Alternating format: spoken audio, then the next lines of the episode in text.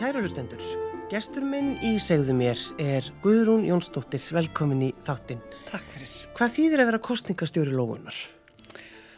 Ó, það er mér svo kært hlutverk. Eh, mér hún reyndar aldrei vel við einhver stýrunöfn, þannig ég kalla mig talskonu lóunar, það lætur mér betur. En það þýðir það að nú er í gangi í fyrsta skipt á Íslandi á vegum fugglaverndar eh, kostning um fuggl ársins mm. Og mér þykir þetta ákaflega fallegt verkefni og sætt eh, og það snýst um að vekja aðtikli á íslenskum fugglum og, og auka veg þeirra. Og það hafði farið fram einhvers konar forval áður en ég kom að málinu og 20 fugglar voru valdir í kostninguna og minn fuggl var einn af þeim. Og ég tók að mér að um, halda á lofti um, ágæti lóunar og gera það sem ég get til þess að við sameinumstum hana sem fuggl ásins. Já, þetta, þetta er svo skemmtilegt verkefni. Alveg, ég bara alveg misti mig í þetta. Já. Á þessum COVID tímum þá var svo gaman að fá eitthvað hérna fallegt verkefni að hérna að sinna, svo þetta hefur verið mér ákala skemmtilegt. Og hvað er það sem þú þarfst að gera? E, ég ræð hvernig ég hafa mér í þessu Já. og ég er nú búin að vera senda einn 2000 engaskilabót til vinnarna minna og stopna síðu lóunar og mér þótti við hæfi sem kostningastýra að bjóð upp á kostningakaffi og það var stöðu ströymur af fólki í gardinu mínum á sunnudagin Og það var verðslurinn? Lóu, jú, jú, og ég get ekki betur síðan að það sé að verða til fjöldareyfing lófina á Íslandi. Jú, jú, og það, það er ennþá, svo ég klári þetta nú, mm. það er ennþá heitt á könnunni á kostningaskristofunni alveg fram á sunnudag þegar kostningu líkur. Já, já. Já. svo hlæður maður bara að mista þetta bara svo skemmtilegt, þetta er svo, svo allt, allt öðruvísu heldur en eitthvað sem þú hefur verið að gera. En já. Eh, þú er náttúrulega mjög heppin að fá lóuna því að lóan, vorbóðin ljúfi. Nákvæmlega. Ekki, þetta er náttúrulega bara, er þetta ekki besti fugglin? Eh, já, nú er þetta með að svara þeirri spurninga því að ég hef alltaf haft mikið dálæti á fugglum og flestir fugglar finnast mér dásanleir. En ef ég hugsaði hvaða fuggl ætti að vera í þessu hlutverki, þá dætt mér engin annar betri í hug. Mm. Lóu söngur gerir eitthvað stórkoslegt við okkur og ég er nýbúin að komast að því að það var haldinn Eurovision söngkeppni fuggla árið 2002 Já. og Ísland sendi heilóu söngin í keppnina og hún vann þessa keppni. Þannig að, að heiðlóan okkar þótti hafa fegustan söng allra evróskra fuggla. Já, hugsaði þetta. Hvorki meira en ég minna og mér það bara mjög eðlilegt. Hmm. Og þú ert með hérna mitt í símanum þínum? Já, ég er sko með hana hérna með mér. Af því að, eh, sko, þegar maður heyrir í lóinni. Já. Að, það, það gerist eitthvað. Já, það gerist eitthvað. Já.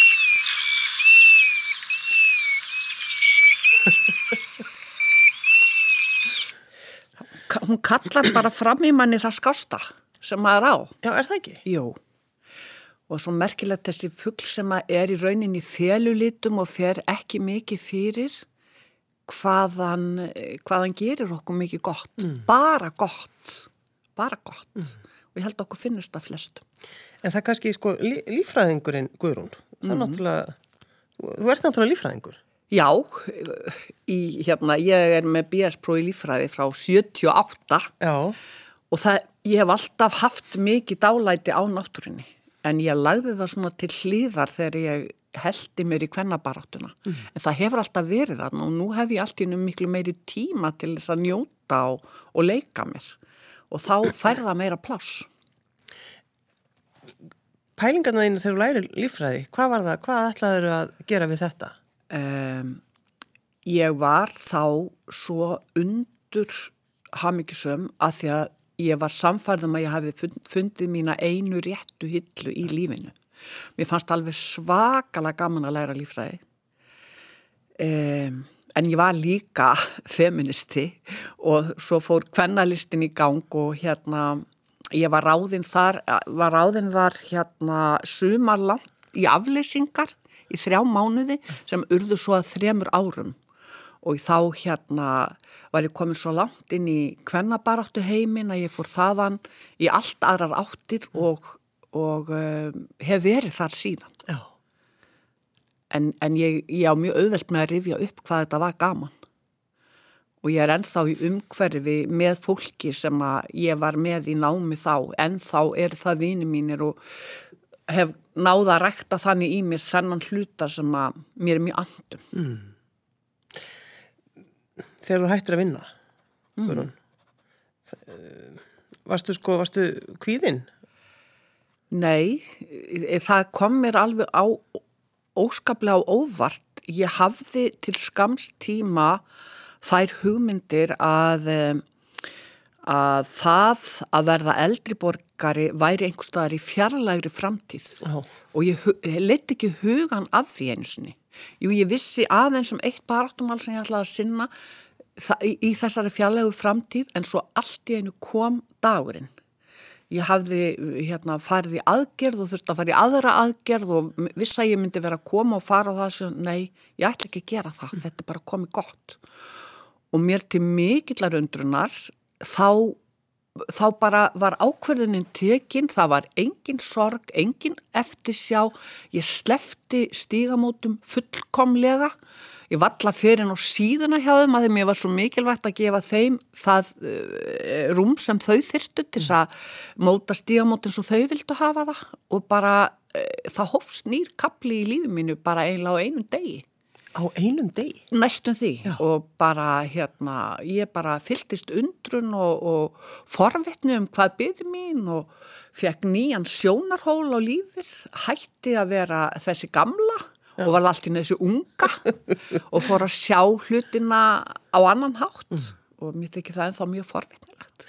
Þú varst að lesa einhverja haminguransókn? Já, já,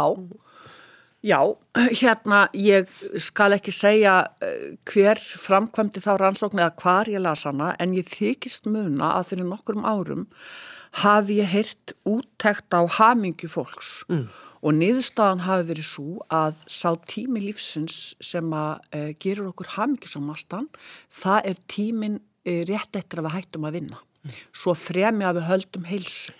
Já. Og ég, mér finnst ég bara alveg kannast við þetta.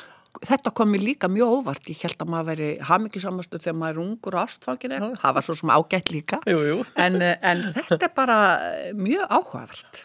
En þetta er sko, það er svo mikið talað um þennan tíma og það eru mjög margir einmitt sem að bara fá bara kvíðanlút að hugsa um þetta. Já, það fór einhvern veginn, al... ég, ég skil það mjög vel. Kanski líka ef maður hefur ekki átt neginn áhuga mál, eitthvað svo les. Mm -hmm. Ég get alveg ímynda með það og ef maður sér ekki fyrir sér annan að setjast í sófan og býða bara á ja, gráðbakkanum ja. þá er það náttúrulega ekki aðlagandi. Nei, reyndar ekki. En ég held að ég hafi fyrir ansi löngu síðan látt að má því að við berum alltaf ábyrð á, á okkur sjálfum og hvernig við förum með tím okkar og, og eigðum honum mm. og ef maður tekur þá ábyrð þá er þetta bara mjög áhugavert fyrst mér. Mm. En að því þú ferð í rauninni sko úr lífræðinni yfir í að vinna fyrir hvenna listan Já.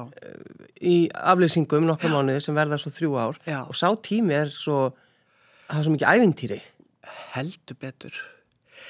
Það var sko það var hugmyndafræðileg bylting. Mm. ekki bara fyrir mig persónlega heldur fyrir okkur öll. Þar sem að allt það sem áður hafði verið var um, sett til hlýðar mm og konur hugsaði bara ekki, er sleftu því að hugsa hvernig ættu við að hafa okkur, heldur hugsaði þær bara hvernig heimi myndi ég vilja lifi í og hvernig myndi ég vilja gera þetta. Og það, sá útgangspunktur var ansi frjór og hann hefur eiginlega fyllt mér líka síðan. Að hérna, já, og, og þá held ég að við höfum átt á okkur á því sem ég hef oft hugsað. Það var alveg sama hvað við höfðum prófað, það var ekki nóg. Þannig að við urðum að gera meira og við urðum að gera það öðruvísi. Þetta hefur verið svolítið mitt leiðaljós mm. bara gefum blaffin í alla leikreglurnar, það er dög ekki hvernig myndu við vilja gera þetta og, og hvernig heimi viljum við búa í? Það er mjög frjór útgangspunktur. Þessi þrjú ár sem þú varst að vinna þarna, Guðrún, mm. þá náttúrulega er þegar allt er svona frábært Já. og svo, svo í lokin þegar henni kvænalistin er bara Já, þá var ég aftur ráðin þar, Já. hún Kristín Haldós vinkona mín elskulega réði mig til þingflokksins og ég var framkvæmdastýra þingflokksins síðustu þrjú árin. Já. Þau voru jafn óspennandi og þau fyrstu voru gefandi. Þá voru hinnir flokkarnir búinir að taka upp nóg mikið af okkar pólitík e, til þess að við vorum ekki eins nöðsynlegar konur, voru að, með ólíkar hugmyndur um hvað svo. E, kvennalistin augljóslega var ekki og hafði aldrei átt að verða að e, einhverju fram eilíðar vel, aldeilis ekki. Við spurðum okkur næstu því hver, á hverju ári ættum við að leggja niður kvennalistan og svo framvegist. kom þetta alltaf á hverju einast ári Eh, ég segi það ekki, en þetta var alltaf í bakhauðinu og hérna spurningin var hvernig átt að gera þetta og konur höfðu mjög ólíkar hugmyndur um hvað ætti svo að gera. Og það var varð mjög persónulegt fyrir okkur flestar og erfitt. En það er nú sem löngu, löngu búið sem betur fyrir núna. En það var erfiðu tími. Eðlilega að við höfum verið, þetta hafði verið svo gaman. Já, já.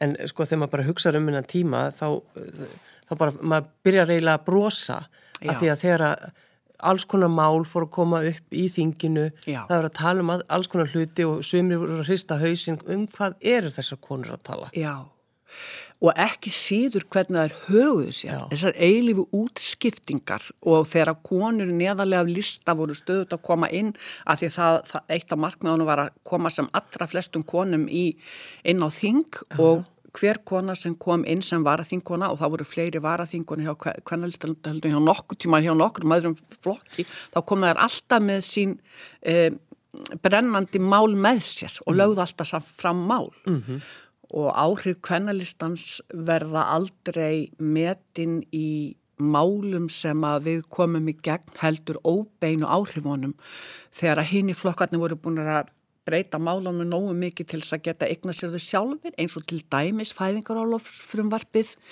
og hérna ímislegt fleira já, já. að þá þetta var Já, og það voru þessi áhrif og skipta út fólki og hérna koma tvær sam, formansleysið fór óendanlega í taugarnar á þeim.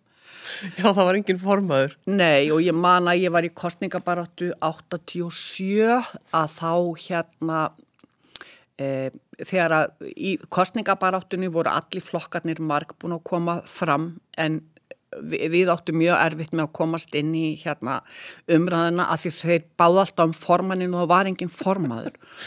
Og svo gerist það að við vinnum mikinn kostningasígur, förum úr þremur í sex þingsæti. Og ég var svo hamikið sem að ég fór nýra á skrifstofu að komið okkar snemma morgunin eftir og satar í einhverju hamikið skí og það ringir blama, hérna, út, frá útvarpinu, ringdi í mig frá sjónvarpinu. Eh, bladamaður sem segir heyrðu, Guðrún þi, þið eru á forsíðu New York Times. Akkur eru það á forsíðu New York Times? Hva, bara myndir af ykkur öllum þarna hann hafði aldrei skilin eitt í þessu og þeir hafðu þegar þeir komu að taka myndir þá reyndu þeir að fá konur til að stilla sér upp en eftir þetta þá hérna þá báður um konu með barn á brjósti eða konu að prjóna áttu þessu allt í hún á þessum öðruvísi leika að hann væri kannski eitthvað Þetta er þetta var ótrúlega tími. mikið æfintýri En að því ég, Guðrún, ég hef svo mikið áhuga að vita hvernig maður getur sleft svona vinnu eins og þinni. Já. Og þú bara og stígamót í 21 ár. já, Og geta eins og þú sagðir áðan bara ákveðið og lokað. Já, það var mjög skrítið og það kom mér mjög óvart. En það var allt, þetta var hárréttu tími og ég bara eh, virði samstagsfólk mér mjög mikils en þetta var bara tímin og ég bara tristi þeim algjörlega fyrir þessu verkefni. Þau fara í það átt sem þau vilja. Það er núna að duga eða drepast, mm. annarkvæmt standaðu sig sem ég er samfærðað með að gera. Ef ekki þá verður eitthvað annað til. Þannig hugsaði ég Já, já, já, og ég veit að þau muni finna sína leið. Ein, já, En- að, já, fyrir ekki. En það var líka annað, eh, ég hafði alltaf í bakhöfðinu einhver staðar. Um, ég hafði heiti sjálfur mér því að ég skildi taka mér eitt verkefni þegar ég hætti að vinna sem ég hef aldrei nefnt að hugsa um. Og það kom til að því að ég á í gegnum störfum mín mikið af vinkonum viðsverð að í heiminum og meðal annars sænskar kellur, feminista. Þær hafa alltaf verið eh, hérna, svona oppegóðinu þessa sænsku. Og einn þeirra Marjana Eriksson sem satt á Evrópuþinginu fyrir venstri, hún hætti að vinna og þegar hún hætti að vinna þá fór hún að skoða lífyrískerfið sænska. Og var alveg brjáluð og stopnaði það sem hún kallaði tantpatruljan eða frengusveitina og það voru aðrar feminskar kellingar sem að hérna, fóra að skoða stöðu sína og áttuðu sig á því að konur urðu miklu taparar þegar þær hætti að vinna. Og þær eru búin að skrifa bók, þær hafa það ógísla skemmtilegt, þær drekka rauðvín, þær eru með rauða hatta, þær standa í hverju viku fyrir utan ríkstagin, sænska og dreifa e, áráðri og þær eru komna þanga núna að það er farið að taka þær alvarlega.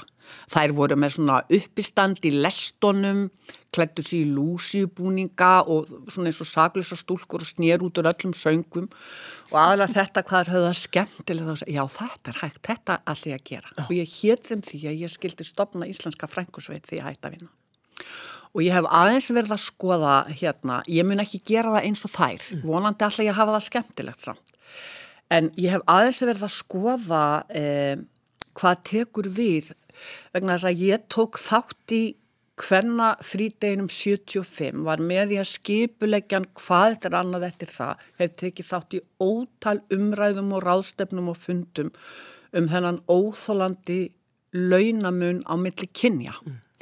og núna er ég áttam á því ég hef aldrei tekið þátt í umræðum hvernig lítur hann út eftir starfslokk? Hvern, hvers vegna óskupunum hefur það aldrei verið á dagskrá Og ég er aðeins búin að vera að skoða þetta, hún Steinur Rökkvalstóttir skrifaði mastersitgjum um þetta fyrir nokkur árum og mér sínist, eftir því sem ég kennst næst, ég er bara rétt að byrja að skoða þetta, að lífeyrir kvenna sér innan við 50% að lífeyrir kalla. Halló! Mm. Mér sínist að þær konur sem eru háðar tekjutryggingum frá almannatryggingum séu 60% þeirra sem þurfa, það eru þær sem eru veststatta. Mm konurnar sem að voru á lægstu laununum höfðu ekki möguleika á að sapna sér inn þessum hérna, viðbóta lífeyrisbarnaði sem að aðrar konur hafa gert. Hlutir eins og það þegar konur skildu og voru á lægri launum og kallin hjælt öllum lífeyrinum. Þannig að mér sínist að, að, að konur uh, sem hafi ekki haft góð laun verði íkt verri stöðu eftir starfslokk. Margar okkar sem betur fyrir höfum það bara alveg ljómandi gott að koma ymsir þættir þarna inn í. En þetta er eitthvað sem ég hef ekki séðin í umræðinu og hef hugsað mér að, að skoða í róleitunum. Frængu sveitin? Já. Þetta er frábært. Já, það eru rókisla skemmtilegar. Veist, það er ekki hægt að vera í barátunum að hafa það skemmtilegt. Nei, ég veit það. Það er eitt af því sem ég sýt inni með allar sögurnar sem ekki þóla dagsins ljós úr barátunum. Já, nákvæmlega. Já. Þá ég myndi reyna að pína því, þá myndi ég mm. ekki segja þér. Mm. Það er held ég held að það sé alveg á reynu hverjum. Mm. eitt af eh, síðustu verk, verkefnum sem að þú varst að vinna við í stígamótum áðan og hættir, mm. það er verkefni sem er núna bara í gangi, er það ekki? Já, það var eitthvað sem ég hafði dremt um í mörg, mörg ár og það var, ég hafði svo, ekki bara ég heldur, er það algjörlega augljóst að íslenska réttarkerfið ræður ekki við kynferðisbrotamann, mm. mál. Og öll þessi 21 ár sem ég var þarna var það daglegt brauð að í fyrsta lagi þá kærðu innan við 10% okkar konum vegna þess að þær tristu sér ekki í það, þær vissu að þetta var orð gegn orði og þær voguðu sér ekki í það ef þær gerðu það, þá voru 11% af málunum sem að letu til doms af kærðum málum. Og þá ertu búin að henda út öllum þeim sem aldrei kærðu.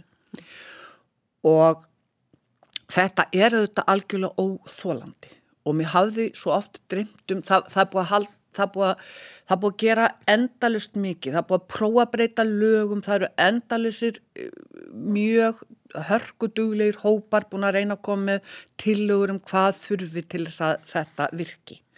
og ekkit af því hefur leitt til þessa kerfið virki. Og þá hugsaði með mér það er þrengt sem við getum gert. Við getum kært Ísland e, til setaf hópsin sem að, sem að hérna á að fylgja því eftir að Ísland e, fari eftir mannreitnundasáttmála saminu þjóðana um málefni kvenna. Istanbul sáttmálinn fjallar um ábeldi gegn konum, það er líka eftirlitsópur sem við hefum getað kæst Ísland til. Báður þessir hópar hefðu alveg öruglega komist að þeirri niðurstöðu að Ísland væri til skammar og þeir hefðu sagt það og allt hefði svo haldið áfram eins og ekkert væri. Þriði möguleikin var mannreitnundadónstól Evrópu. Þar e, eru ríki hreinlega dæmt fyrir að hérna standa sig ekki.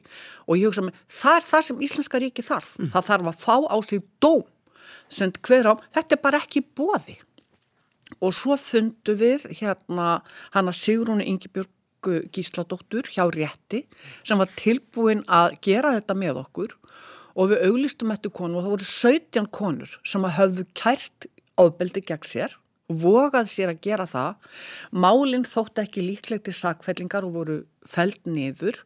Þær hafðu kært niðurstöðuna og það hafðu verið e, staðfest hjá saksóknara að þær fengi málinn sín aldrei prófuð fyrir domstólum. Og þessi mál voru skoðuð og það komi ljós. Eitt málið hafði til dæmis e, verið felt niður vegna þess að það var fyrnt sem er algjörlega eitthvað sem á ekki geta gest. Það voru þarna lágur fyrir hjáttningar, það voru vittnareiðstu, það voru alls konar e, þættir í öllum þessum málum sem að báru þessu vittni að kerfið virkað ekki. Og nýja af þessum málum eru farin til mannitnendadómstólsins núna og bara það er fyrir okkur svona statement eh, hérna hvað út úr því kemur veit ég er ansið hrættum að mannreitindadómstólinn sé heldur ekki óskeikull en þetta höfum við ekki prófað áður og þetta hefur heldur ekki verið prófað í svona fjölda aksjón annar stað þannig að, að hvernarheyfingin vísvegar með Európu býður spennt eftir því hvað komið út úr þessu Þetta getur tekið langan tíma? Já, já. Mörg ár eða hvað? Mörg ár já. og hér, það búið að taka inn e, hluta þessum málum sem bara það er sigur. En, Það er ekkert alltaf sem það er gert það bara, þú veist, eða kannski þarf að býða mjög lengi. Já, það getur já, já. gert það. En mm. allavega þá höfum við fundið leið til þess að setja ekki bara undir þess mm. þannig að það hérna mér líður mjög vel með það. En þú, þú í rauninni bara verður þá að fylgjast með því bara sem leikmaður Já, bara eins og, eins og við það ég ger algjörlega. Já, já, já Algjörlega, en þetta er leið og það mætti hugsanlega finna fleiri fleti til að fara þessa leið. Hvað áttu af börnum, Guðrún Jónsdóttir? Ó já, þrjár óhemjur. Já, já, sem við kannski þekkjum aðeins. Já, Sólegu og Þóru og Kristínu, Tómastættur. Og svo á ég sjö barnabönn, eitt glænýtt dásamlega litla Guðrúnu, Þórunni Og einhverja stráka líka? Já, tvo stráka. Um, hérna Tómas minn sem býr í Hollandi og Mattias Kjeld á Íslandi. Mm. Hitt er allt stelpur. Já.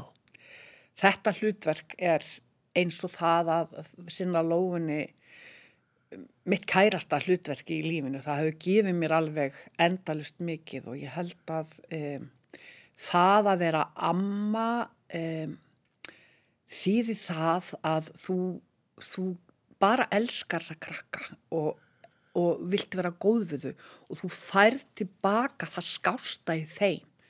Eh, ég er ekki að, ég hef aldrei skammað barnaböndum mín og ég þarf þess ekki. Hérna, og, og ég líka, það er annað gott við það og það er að ég hafði alltaf hvert dætur mínum að því að ég var á kafi baráttunni þegar þær voru litlar og hugsa með mig, guð minn góður, svo fæ reikningin þegar það er orðna fullorna, það er verið að brjálaður út í mig. Þá voru mamma mín og pappi þeim svo mikil svirði, þær fengu svo mikið frá þeim. Mm. Nún er ég að passa börnin þeirra og meðan þær eru að djöblast í einhverju öðru og það er svona, svona ganga hjól kynnslóðan það er svolítið áhugavert. Þannig að þær hafa aldrei orðið fjúkandi reður út í ykkur Jú, jú, oft á mörgu sinna Það er stundum talað um hvað er aldrei alminlega geðkost í ykkar fjölskyldu segjum við við aðra? Það gengur oft mikið á. Já, Er þið þá að, til dæmis bara, ef þið sitjið saman, er þið þá að, er, er þið að rífast um jafnbryttismál og feminismál? Oftast höfum við alveg ríkalega skemmtilegt. Já. Ég finnast það að, sko, finnustu konur þessa lands dætu mínar við eldursporðið hjá okkur. Já. Það er fyrst og fremst opbúsla skemmtilegt, en það er engin lognmála. Nei, en ég meina, maður bara hefur fylst þetta með þeim. Þetta, er, eru, þetta eru feministar. Já, já, já, já, hver á sinn hátt. Já. Það er að fyrir mjög ólíka leiðin en þær hafa allar verið að vinna feminíska vinnu. Já. Já. Tal, talar þú til dæmis Guðrún um feminisma við barnabönniðin? Nei, ég geri það ekki en ég síni þeim hann í verki. Ég til dæmis leiði mér að velja, eh, ég leiði mér að velja þær bækur sem ég les með þeim sem er til dæmis Astrid Lindgren. Mm -hmm. Mér finnst uppbeldi felast í, í þannig leiðsögn. Eflaust hef ég oft gert það en ég hef fundið hjá þeim nesta sem er að kvikna og sem ég hlúi að og blæsi glæðurnar þegar hann kemur hjá þeim. Já. Ég held það. Það er svo skemmtilegt að þú segir, Guðrún, sko, ég hef aldrei skammað barnabönnum mín. Nei. Ég meina, ef maður bara hugsaður um sínar ömmur, Já. maður var aldrei skammaður. Nei, ég veit ekki með aðra en ég er bara, þetta er sko forréttindin við að vera amma. Já átökin eru á milli fóreldrana og barnana þegar það hafa sér ekki. Já. Ég var með eina í gerðkveldi að passa fimm ára og hún var dregin inn um áttaliti til þess að borða döð uppgjöfin og það voru einhverjir út á trampolínu og hún vildi vera áfram og hún trompaðist kjörsamlega og ég var að reyna að svæfa hana og hún raug upp öðru kvoru til að tjekka á því hvort einhverjir krakkar væru ennþá á trampolínu og hún hafði enga stjórn á skapinu sínu og Ég, mér þótti bara svo undurvæntum hann og mér fannst hún svo dásamleg í þessu hérna, reyði sinni. Og ég sagði, ó hvað er gott að geta bara verið þarna. Og sagði, krafturinn í þessum krakka Já. í hvað átt á hann eftir að fara? Hún er dásamleg sn alveg snældu óður reyði yfir þessu með trampolínu. Og eru að fara að sofa? Já, Já. Þú talaði einmitt um þegar við vorum að lappa hérna inn hún, þú, hún nefndi svona hálf brosandi já, ég er hægt að pæli í klamkongum og ofbeldismönnum Já, já. Það, sko, það var bara núna í vikunni sem ég satt og var að skanna e, dagskrár sjónvarstöðana sem ég hef með, með skandinavisku stöðarnar og eitthvað og gáði hvað mér langar að horfa á, mér, það er ýmslegt sem ég hef áhuga á dokumentarís og eitthvað svo leiðis mm og þá átta ég máði að ég fer skipulega fram hjá öllu sem hefur með ofbeld að gera. Og ég segi, já hvað er ég að gera hér? Og hugsa um frelsið. Og ég, hérna og skipulega sleppi ég að lesa nýjustu skýslutnar um stöðu ofbeldis á Íslandi mm. núna. já. ég sá að það var vel að tala um landsrétt eh, bara í gær eh, niðurfælt kynferðsbrotamál og ég sleppti því að lesa þess að, hæ merkilegt, óforskömmuð er ég, ég sleppi þessu. Já. Svo fannst mér það bara eh, mjög skemmtilegt. Þannig að þú hefur kannski verið svolítið hissað sjálfur þig? Já, já, ég er ekki að fara að lesa þetta. Ég er að fara að lesa eitthvað um lóuna eða eitthvað. Sem talskona lóuna, það er brjálað að gera hjá þér. Já. en það var náttúrulega alltaf þannig, Guðrún Jónsdóttir, í, þú varst náttúrulega mjög mikið í fjármiðlum og það var bara alltaf verið að, þú varst já. bara endalaust að tala um ofbeldi. Já Alltaf. Já og þá dremdi mér stundum um að þá koma einhver starf að segja brandaraði og nú sitt ég hér og tala um lóina. Já og við hlustum á hana í, í, í, hérna, símanum mínum. Já, já, já. já. Ég er að fara til dóttur minnar og eftir sem allar að gera lósöngin af um, ringingatónin hjá mér og svo ætti ég að vera með leiðbynninga til fólks um hvernig það getur gert það þess að taka þátt í barátti já, já, já, já, þetta er náttúrulega alveg stórkoslegt Hefur einhvern tíman hugsað um, um þessi, sko, þessi, þessi 21 ár með stígamótum, hefur þú séð eitthvað eftir því að hafa verið svona lengi? Nei. Þetta var alveg ógeðslega skemmtilegt. Uh, sérstaklega þegar við brutum reglurnar og fundum nýjar leiðir ég á mikið minningabanka um hérna þegar við, þegar við stopnum kampænsklub stígamóta þegar við vorum með stóru sýstur aðgerðirnar og vorum að selja okkur á netinu, alls konar svona hlutir rétt, sem að þegar vorum búin að prófa allt þetta venjulega og ekkert dugði þegar við virkilega settum í gang og fórum okkar einlið þá náðum við alltaf árangar mm -hmm. og hérna, nei, guð minn góður, mér finnst þetta hafi verið mikil forréttind að fá að beita mér þarna. Og líka, ég upplýði mig aldrei einu, ég var alltaf hluta reyfing og var alltaf, ég var alltaf í hópum, meira á minna óskipulögðum og óformlegum. Það hefur mér alltaf þótt skemmtilegast í grásótinni. Mm. Og það hérna, Nei, nei, nei, mér finnst þetta að hafa verið dásanlega skemmtilegt. Já, en fjagstu stundum eh, svona einhver aðtóðsendir, þú veist, að hún er nú alltaf röflandi. Vistu það, það er eins og að skvetta vatna gæs að segja mér það. Ég bara... veit jáfnvel á það bara sem kompliment ef það kom úr réttum aftur. Já, ég veit. Þá vissur þú að það gera eitthvað, gera eitthvað rétt. Já, það er, eitthvað að viti þessu. Já. Já. Já. Nei.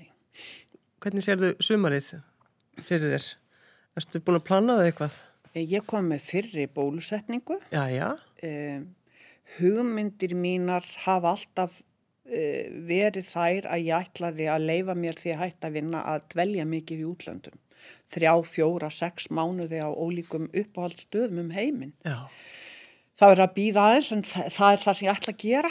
Ég ætla að vera í Hollandi í ágúst að passa hús nágrann og sóljardóttu minnar og vera með þeirri fjölskyldi, ég gerði það í fyrra líka.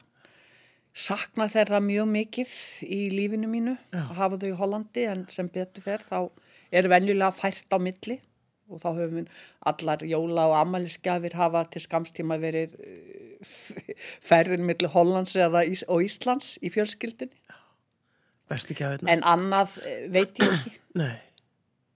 bara eins og allir aðrir njóta sumasins Já, já Vaknaru stundum á mótnan og hugsa ég hef ekkert að gera?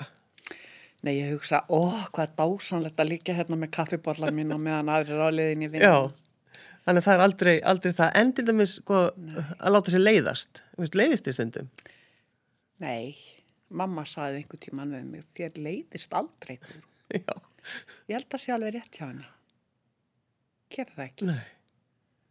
Svo margt sem að...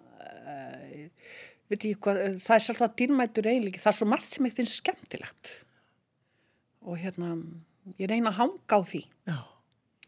ég held við hefum öll að gera það það veri hræðilegt ef manni er ekki eitthvað skemmtilegt Alltaf, alltaf verið að tala um það, þú veist, þegar börn segja, þú veist, mér leiðist, já, láttu þið leiðast. Já, það er gott, þú er gott af að leið, láta þið leiðast, já, ég held að það sé ég. Já. En nei, ekki alltaf það hafa aðeins komið stundir þar sem ég þarf aðeins að taka mig saman í andlitinu yfir því að hafa ekki ykkur ósköp framundan. Mm. að því ég er svo vön að vera með meira framundan en ég ráðið við. Og meðal hans þess vegna var þetta lóverkefni svo afskaplega kærkomið. Spurning hvað, ég mun finna mér einhver önnur svona skemmtileg verkefni Ég mun gera það og ég mun skoða betur þetta með afkomu kynjana eftir starfslokk og ég auglýsa eftir fleirum sem eru til að vera með mér í því. Frænkusveitin? Já, frænkusveitin mun verða til í einhverju mynd. Guðrún Jónsdóttir, talskona lóunar að þessu sinni. Takk fyrir að koma. Takk fyrir mig. From the heart of the black country When I was a robber in Boston Place You gathered round me with your fond embrace. Hey Jude, don't make it bad. Take a sad song